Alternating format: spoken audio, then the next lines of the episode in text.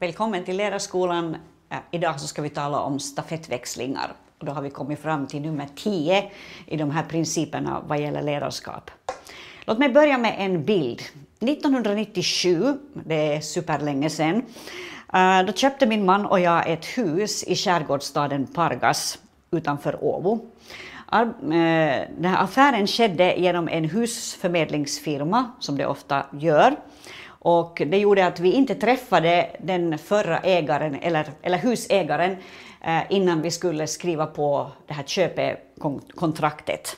Eh, och det hände sen vid en av bankerna i Åbo. Och det visade sig att det var en gammal, jättesöt, alkoholiserad man eh, som hade ägt det här huset och som var superlycklig över att ett då ganska ungt par eh, ville ha det här huset. Eh, till saken hör att det här huset hade byggts någon gång kring krigstiden, Eh, typ 1939, 1940 och eh, nästan ingenting hade gjorts i det här huset sedan dess. Eh, det fanns inget vatten utan det fanns en brunn på utsidan och man skulle hämta vatten ur brunnen. Det fanns elektricitet, men det var nog en typ av elektricitet som hade fixats kanske på 50-talet, så man behövde nog gummistövlar och annat för att våga liksom överhuvudtaget pilla i några kontakter eller så. Ehm, och eh, det syntes på alla sätt att det här huset har inte varit med om någon re- renovering ever. Eh, och eh, det var också den typen av hus som vi var ute efter eftersom vi ville liksom bevara den gamla känslan i huset men ändå förstås uppdatera den helt och hållet. Men anyway, när vi satt där vid banken så sa den här gamla ägaren så här till oss att ni behöver inte göra någonting nu när ni flyttar in i det här huset. Det är bara att flytta in, eh, ta era grejer med er, allt är färdigt. Och han grät av glädje när han sa det här därför att han var så fascinerad över sitt eget hus. Och jag tittade lite på min man och jag tänkte att gode fader i himmelen, det här huset måste ju uppdateras fullständigt. Det, det går ju inte att flytta in så här som det är utan, utan det är bara liksom att börja börja röja på det här stället. Eh, det sa vi förstås inte till den här mannen utan vi log vänligt och sa att ja, vi är jätteglada och nöjda över det här huset och så skakade vi hand och så var köpet gjort. Eh, det är inte lätt att se bristerna i ett sammanhang om man har varit med där länge själv. Om man har haft det här huset i, i hundra år nästan, eller man har varit med i, ett, i en församling jätte, jättelänge, så känns det ju lätt som att ja, men det här stället renoverade vi ju i förrgår, när vi kanske renoverade för 40 år sedan eller 30 år sedan. Eh, eller de här sångerna, de har ju varit så underbara i mitt eget liv. Vi har sjungit dem under alla dessa år och, och det, liksom, det, det bara reser sig liksom av vibbar på insidan när jag hör blott en dag, ett ögonblick i sänder. Och vi kanske inte förstår att en människa som kommer in här och som aldrig har varit med tidigare kanske inte rörs i hjärtat av blott en dag eller tycker att det här ser superfräscht ut. Stafettväxlingar är en av de största utmaningarna för varje församling. Det är tufft att lämna över ledarskapet, det är tufft att lämna över ansvaret till nästa generation. Eh, alla som har sprungit en stafett vet att det är just vid växlingen som det oftast sker problem. Och jag skulle vilja säga så här att när det gäller stafettväxlingar i församlingar, när en äldre generation ska ge över till en yngre, så behöver vi tänka på fyra saker. För det första, vi behöver förbereda den här växlingen. Eh, som pastor kan jag inte börja när jag är 64 och ett halvt år. Nu är jag inte där ännu, men det går snabbt här ska jag säga.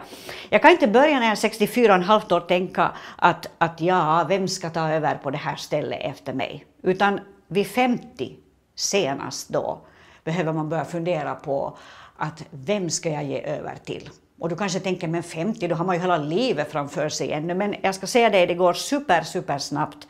Och det är viktigt att förbereda en stafettväxling länge, så att det blir så välgjort som möjligt. För det andra, jobba mentalt på tanken att nästa generation kommer inte att jobba som vi har gjort. Jag säger det en gång till, nästa generation kommer inte högst antagligen att jobba som vi har gjort. Och, och du och jag behöver förbereda oss mentalt på det här, för annars får vi ont i magen när förändringarna kommer. Eh, det finns ett, ett se, jag gör allting nytt i Jesaja 43, eh, vers 18 och 19, eh, som Herren säger genom profeten Jesaja. Se, jag gör allting nytt. Och, och det, är nog liksom, det är nog värt att tugga på lite, därför att Herren behöver få göra allting nytt för att möta en ny generation. Och det är inte ett, ett, hur ska jag säga, ett missbruk av den bibelversen, utan det är precis så som det är. Problemet med många församlingar är, många församlingar är att de känns ouppdaterade eh, när man stiger in i dem. Både i det, som, eh, i det sätt som man använder vid förkunnelsen, när det gäller musiken, när det gäller allt möjligt. Det är viktigt att jobba mentalt på tanken att nästa generation kommer att jobba på ett annat sätt och behöver jobba på ett annat sätt. För det tredje, som pastor så behöver jag kunna ge över kontrollen en dag, Eh, verkligen ge över stafettpinnen en dag utan att liksom ta den tillbaka sen nästa dag. Eh, och det här är förstås en bild jag använder, men, men det är inte lätt att ge över kontrollen. Det är inte lätt att liksom sitta kvar eh, som en äldre generation och titta på vad en yngre generation gör och hår, håren nästan liksom reser sig på en på insidan för man tänker liksom att nej, nej, nej, så här ska det inte vara. Och var är liksom alla sångerna från förut och var är, var är tonen från, från äldre dagar och så vidare. Man måste lära sig att ge över kontrollen. En dag så har jag gjort mitt. Och, eh, och före det så behöver jag förbereda för att en yngre generation ska trivas i den här miljön, så att det finns någon som kan ta över stafettpinnen när det gäller. Det är ju problemet på många ställen, att när det ska växlas så finns det ingen där. Det finns ingen yngre generation, för de har för länge sedan konstaterat att det här stället känns som 1978. Uh, eh, så vi behöver lära oss att ge över kontrollen och vi behöver också för det fjärde, vi behöver lära oss att heja på lagets arbete också när vi har släppt stafettpinnen för egen del att inte liksom underminera äh, arbetet och, och, och, tänka så här, eller jag, och tänka att ja, jag skapar en liten annan miljö här. Äh, vi, vi, liksom, vi skapar en, en subförsamling i församlingen och i den här subförsamlingen så skapar vi en liten frustration över vad som pågår i den egentliga församlingen. Och så, liksom, så, så skjuter vi från vårt håll här utan att någon märker det.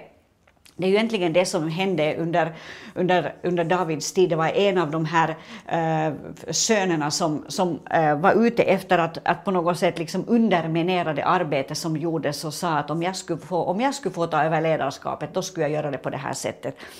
Eh, och, och, det är nog, det är nog liksom att skapa en miljö som inte är Gud välbehaglig. Det är någonting som Gud inte gillar. Utan Gud vill att vi respekterar eh, varandra och att vi skapar utrymme för att en ny generation ska kunna växa fram som kan ta Guds rikes arbete vidare. Därför att det är ju vår gemensamma längtan och önskan att Guds rike ska gå vidare och att det ska finnas någon som vill ta över stafettpinnen med iver och med glädje och med en vision som passar just den den tid som då är.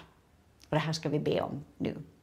Jesus, hjälp oss att ge varandra utrymme vid stafettväxlingar. Hjälp oss att vara medvetna om att en dag så är det dags att ge stafettpinnen vidare. Herre, hjälp oss att inte frenetiskt hålla kvar vid det gamla sättet att arbeta, eh, vid de gamla värderingarna, utan ge över så att det finns utrymme för en ny generation att springa det lopp som ligger framför dem. Vi välsignar den generation som nu växer upp av 15, 20, 25-åringar eh, som är kallade att ta stafettpinnen. Herre, vi ber om välsignade övergångar på många håll i Guds rike i det här landet och beyond. I Jesu namn. Amen.